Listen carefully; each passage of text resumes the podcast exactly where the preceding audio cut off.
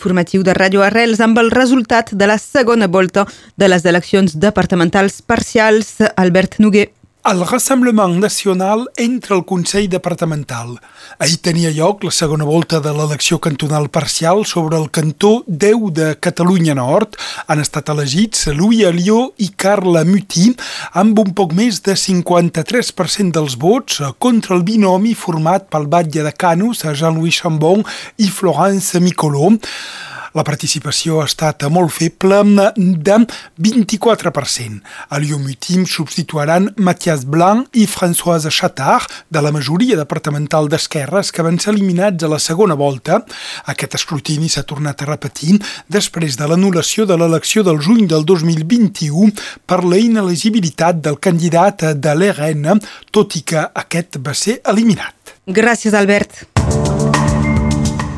La resta de l'actualitat amb en Sebastià Girard. Bon dia. Albert Sense Frontera presenta un recurs a prop del Tribunal Administratiu de Montpellier per abús de poder de la Prefectura dels Pirineus Orientals. Ja l'estiu passat, l'associació havia sol·licitat l'anul·lació del decret prefectural que ordena el tancament del coll de Banyuls. Com era d'esperar, els serveis de l'Estat no han pas contestat. Per tant, Albert Sense Frontera engega ara un procés judicial. El president de l'associació, l'advocat i antic batlle de Banyuls, Jules Pere Beca considera que el tancament del coll és il·legal ja que no respecta els acords de Schengen de lliure circulació de les persones al si de la Unió Europea. Demanen al Tribunal Administratiu de Montpellier que retiri el decret prefectural amb un termini d'un mes i penalitats de 150 euros per cada dia de retard.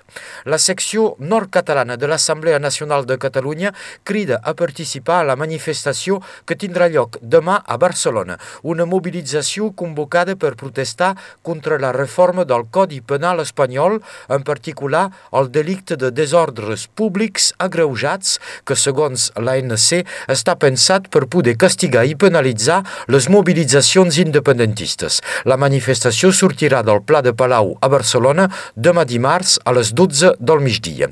Ja és oficial, les festes de l'os de Pras de Molló, Sant Llorenç de Cerdans i d'Arles de Tec són reconegudes al patrimoni cultural immaterial de la humanitat de la UNESCO. És una molt bona notícia per les festes de l'os del Vallespí.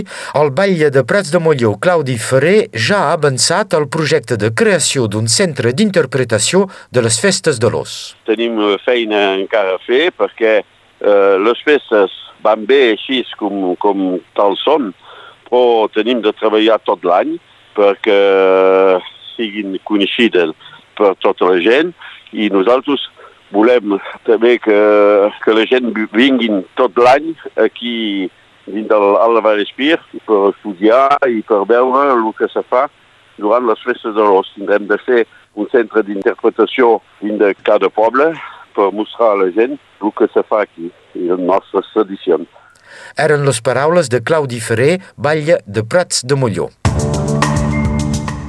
A Catalunya Sud, cinc col·lectius independentistes van anunciar ahir diumenge la constitució d'una llista electoral sense partits polítics. Amb el nom Acord per la Independència, la candidatura cívica es presentarà per les pròximes eleccions al Parlament de la Generalitat. L'objectiu de la plataforma és que aquesta llista sigui única i unitària en l'àmbit independentista i al marge dels partits i que tingui capacitat guanyadora, amb la intenció de portar a la cambra el mandat popular i democràtic de l'1 d'octubre del 2017 per fer-lo efectiu i proclamar la independència.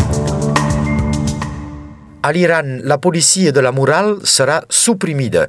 El procurador general del país ha comunicat aquesta mesura després de llargues setmanes de protestes. La policia de la moral és un cos policial que va ser creat el 2005 per vetllar pel compliment del codi vestimentari, una policia que els iranians acusen de nombroses detencions violentes de dones, amb l'argument que duien el vel mal posat. Aquest va ser justament el cas de la jove Masha Amin Ramini, que va morir després de ser detinguda per la policia de la Moral. La seva mort, al setembre passat, va fer la volta al món i va desfermar protestes arreu del país que han estat durament reprimides pel règim dels ayatolás. Les manifestacions contra el règim iranià també s'han traduït en gestos quotidians com per exemple més dones, sobretot joves, que decideixen sortir al carrer sense el vel. El procurador general de l'Iran també ha informat que el Parlament treballarà per modificar la llei que obliga les dones a portar el vel. Gràcies, Sebastià. Acabem amb els resultats esportius del cap de setmana en rugby a 15 en top 14. L'USAP va perdre 34 a 13 al camp del líder Tolosa. A la classificació els catalans continuen penúltims 5 punts per sobre de Briva Cue i 7 per sota de Castres i Pau.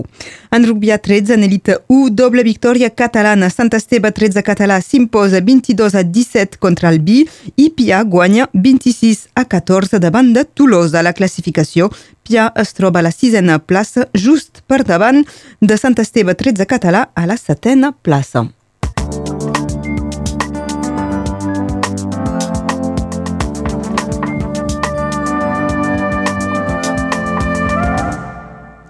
Passem ara a la previsió del temps, Albert.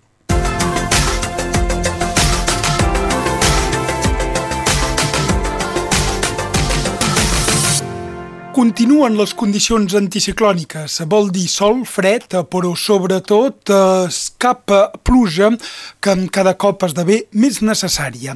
A partir d'aquest migdia, tot just cal esperar el pas d'alguns núvols o d'un vel que taparà una mica el sol, particularment a la plana, menys sobre els relleus. El vent gairebé no bufarà. Les temperatures es mantenen fredes. Amb aquest matí, un a dos graus al Rosselló, Conflent i Vallespí, dos sota zero 0 a les muntanyes. Aquesta tarda, màximes de 12 graus a Palau del Vidre, Santa Maria, 11 a Estagell, 10 a Sant Joan Pla de Cors i Codalet, 6 al Tec, a Oleta i a la Guingueta, 4 graus a Udaió, 3 a Matamala. Per avui, cap problema de polen ni de contaminació de l'aire.